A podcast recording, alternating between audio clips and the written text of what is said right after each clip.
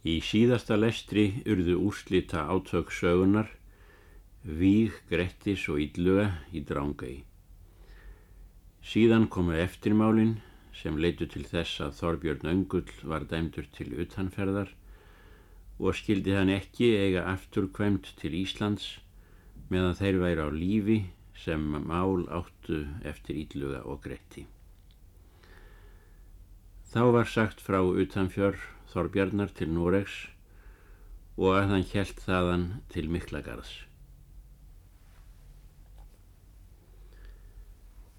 Áttugasti og sjötti kapitúli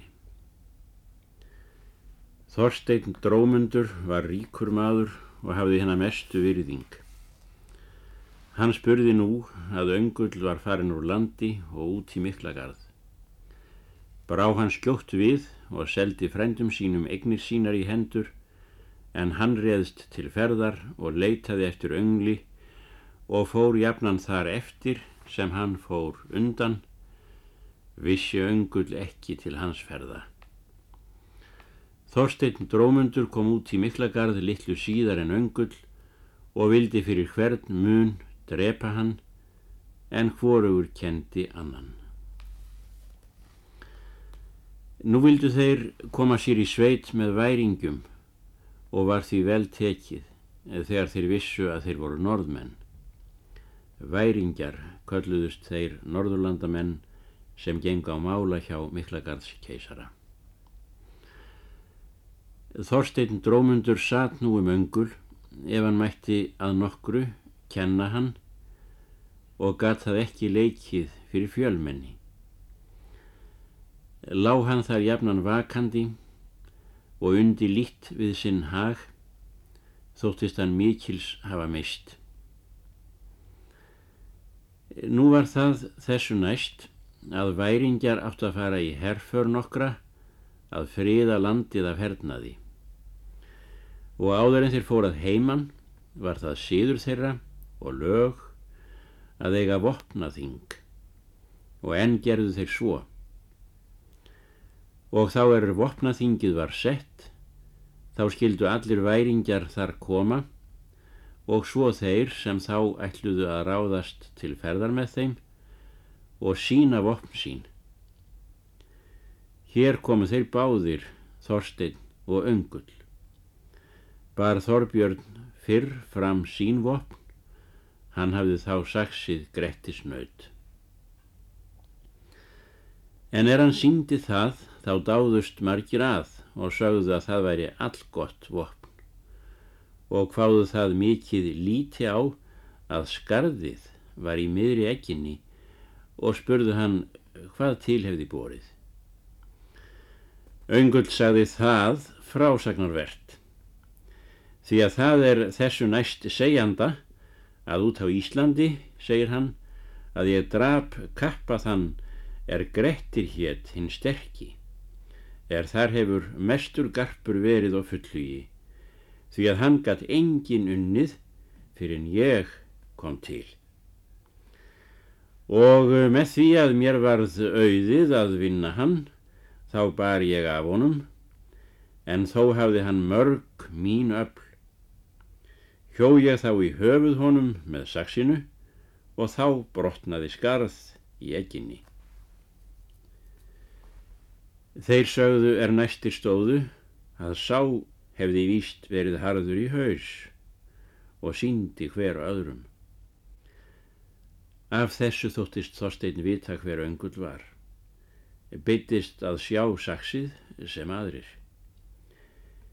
Let öngull það til reyðu því að flestir lofuðu hreisti hans og framgöngu.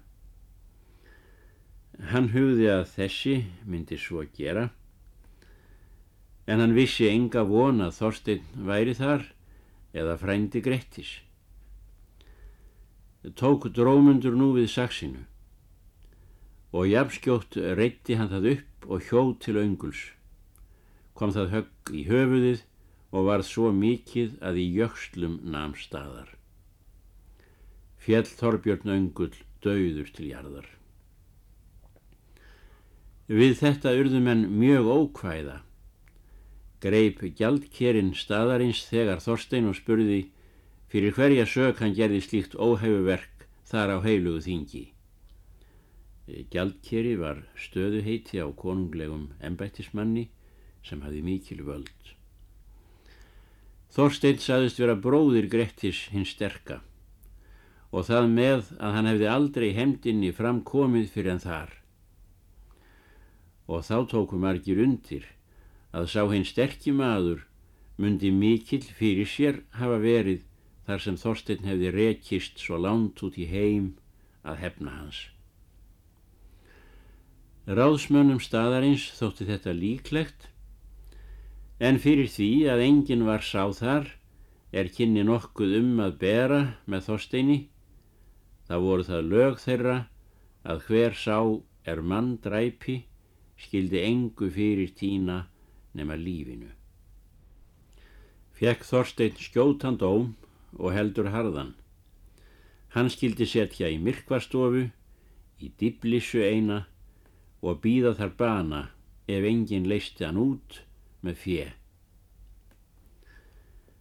En er Þorstein kom í dýblissuna var þar maður fyrir, sá hafði þar lengi verið og komin að bana af vesöld. Þar var bæði fullt og kallt. Þorstein mælti við þennan mann. Hversu þykir þér æfi þín? Hinn svarar, hardla íll. Því að mér vil engin við hjálpa, en ég á enga frændur til að leysa mig. Þorstein mælti, margt er fyrir óráðum um slíkt og verum kátir og gerum okkur nokkuð að gleði. Hinn hvað sér að engu gaman verða. Þó skulum við prófa, segir Þorstein. Tók hann þá og hvað hvæði. Hann var raddmaður mikill svo að varla fannst hans líki. Sparði hann nú ekki af. Almenningsstræti var skamt fram frá dýblisunni. Hvað Þorstein svo hátt að gall í múrnum og hínum er áður var hálf döður þótti mikið gaman að vera. Let hann svo ganga fram á kveldið. Áttugasti og sjöndi kapitúli Spes hétt göfug garðs húsfreyja þar í staðnum, harla rík og stórættuð. Sigurður hétt bóndi hennar. Hann var auðugur og ætt smærri en hún hafði hún verið gefin honum til fjár. Ekki var ástríki mikið með þeim hjónum og þóttist hún næsta vargefin. Hún var stórlind og svarkur mikill, það er stórlát. Svo bar til að þá er Þorstein skemti um kveldið að spes gekkum strætið nær dýblisunni, að hún heyrði þangað rött svo fagra að hún kallaðist enga slíka heyrt hafa. Hún gekk með marga sveina og bað þá víkja þangað og vita hver þessa ágætu rödd hefði. Þeir kölluðu nú og spurðu hver þar væri svo harðlega spentur. Þorstein nefndi sig. Þá mælti spes. Ertu því líkur atgjörfis maður á annað sem á kveðandi? Hann sagði lítið bragða því. Hvað hefur þú til saka, segir hún, er þig skal kvelja hér til bana? Hann sagði að hann hafi drepið mann og hemmt bróður síns. En ég gatt það eigi með vottum sínt, sagði Þorstein, og því var ég hér settur, sagði hann. Nefn að nokkur vildi mig útleisa, en mér þykir þess engin von því að ég á hér engan skildan mann. Mikill mannskaði mun það ef þú ert drepin, eða var bróðir þinn slíkur fræðarmadur, sáar þú hemdir. Hann sagði að sá var meir en hálfu gildari maður. Hún spurði hvað til merkja um það. Þá hvað Þorstein vísu þessa. Egi máttu átta, eggþings bóðar, ringa grund, úr grettis hendi geðraks koma saksi. Áður hvardig við hjuggu, herðendur fetil skjerðar, axlar fót af íti, unnblaks hugar rökkum. Mikil ágæti eru slíkt, sögðu þeir er skildu vísuna. Og sem hún vissi þetta, mælt hún svo. Viltu þykja líf að mér ef kostur er? Ég vil gjarna, sagði Þorstein, ef þessi félagi minn er og út leistur með mér sem hér situr. Ella munum við sitja hér báðir. Hún svarar, meira mannkaup ætla ég í þér sé en honum. Svo sem það er, sagði Þorstein, þá munum við fylgjast brott hérðan annarkort báðir eða hvorugur okkar. Hún gekk þá þangað sem væringjar voru og beiti útlausnar fyrir Þorstein og bauð fjö til. Þeir voru þess fúsir. Fekk hún svo umgengið með vinsældum sínum og ríkdómi að þeir voru báðir út leistir. En þegar Þorstein komst úr dýblisunni fór hann til móts við spes húsfreyju. Eh, tók hún hann til sín og hjælt hann á laun, en stundum var hann með væringum í herrferðum og reyndist hinn mest í fullhugi í öllum framgöngum. Áttugasti og áttundi kapitúli Í þennan tíma var Haraldur Sigurðarsson í Miklagarði og kom Þorstein sér í vináttu við hann. Þótti Þorstein nú mikilhæfur því að spes let hann ekki fér skorta. Lögðust þau nú á hugi, Þorstein og spes. Fannst henni mikið um atgjörfi hans. Varð henni fér skilt mjög því að hún held sér mjög til vinsælda. Bóndi hennar þóttist og finna að hún tók sér háttaskipti, bæði í skaplindi og margri breytni og enkanlega í fjárauðun. Saknaði að hann bæði gulls og gripa er hurfu úr hennar geimslu. Og eitthvert sinn talaði Sigurður bóndi hennar við hana og segir að hún tæki undarlega breytni upp þú gefur eigi gaum að gósi okkar og sukkar því ímsa vega.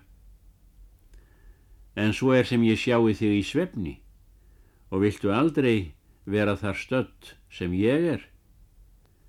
Nú veit ég fyrir víst að eitthvert ber til. Hún svarar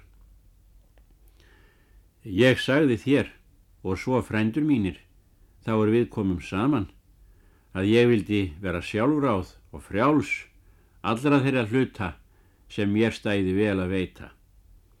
Og af því spari ég ekki fjöð þitt. Eða viltu nokkuð aðra hluti við mig tala, þá er mér megi blíð í vera. Það er vansæmt.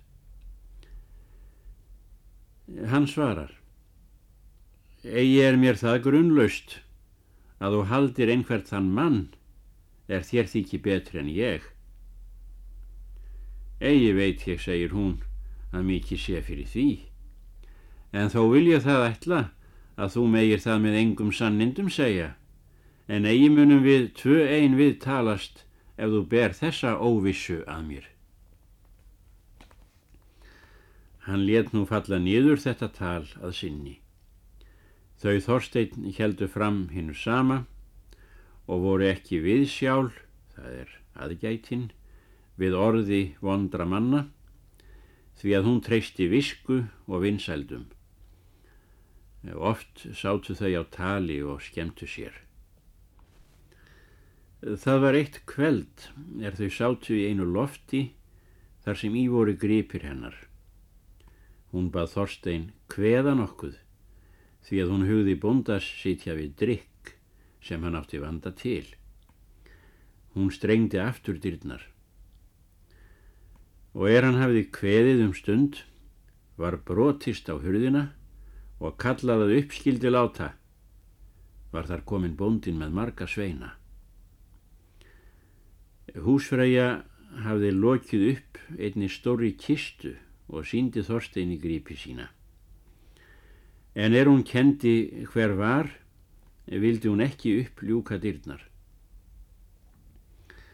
Hún talaði við Þorstein. Skjót er ráðagerð mín, hlaup hér nýður í kistuna og lát hljótt um þig. Hann gerði svo. Hún rak lás fyrir kistuna og settist þar upp á. Í því kom bóndi inn í loftið og höfðu þeir þá brotið upp loftið. Húsfreyja mælti. Hví farið þér með svo miklu harki eða fara ófriðarmenn eftir yður? Bóndi svarar. Nú er vel að þú gefur sjálf raun hver þú ert eða hver er sá maður er mest rendi raustum áðan.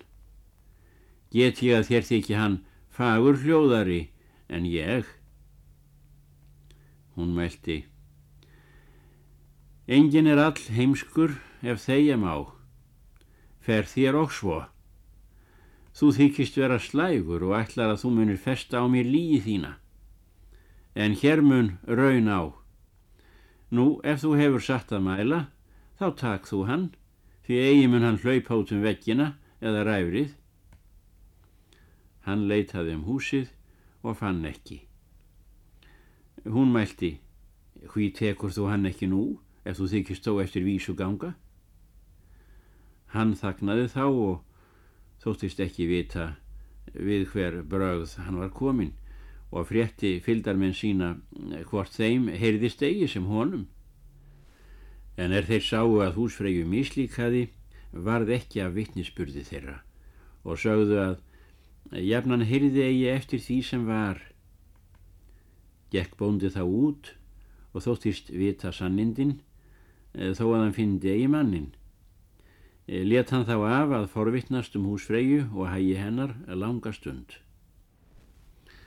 Annan tíma var það, en miklu síðar, að þau Þorstein og Spes sátt við fatabúri einu.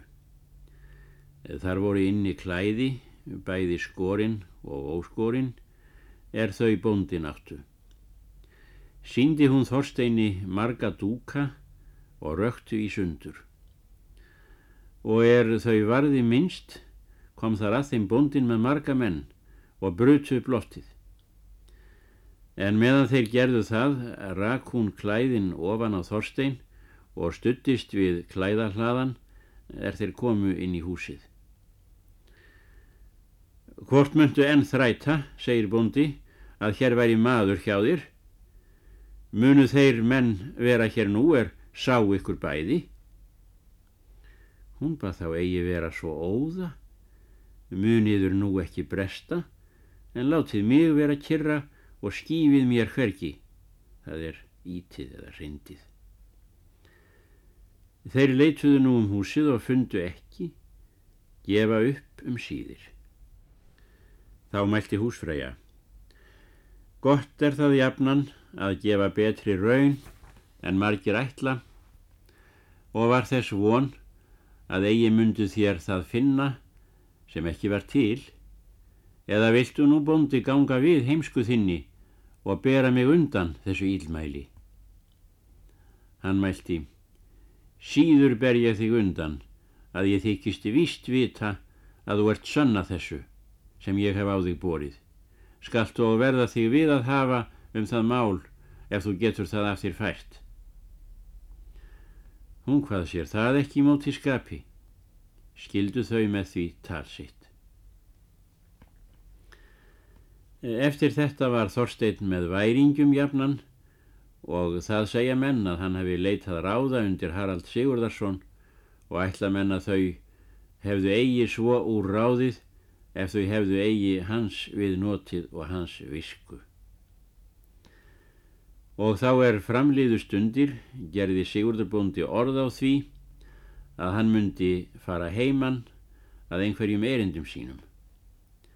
Ekki latti húsfreyja hann þess og er bóndi var á brott kom Þorstein til spes og voru þeir þá jafnan bæði saman. Svo var háttað í gardi hennar að hann var húsaður fram við sjáinn og voru þar nokkur hús er sjárin gekk upp undir þar sátu þau spes og Þorstein jafnan. Þar var lítill hlemmur í gólfinu svo að engin vissi nema þau tvö skildi hann opinn standa ef skjótt þyrti til að taka. Nú er frá búnda að segja að hann fór hvergi á brott nema hann leindist og vildi speia um húsfreyju, það er njóstna.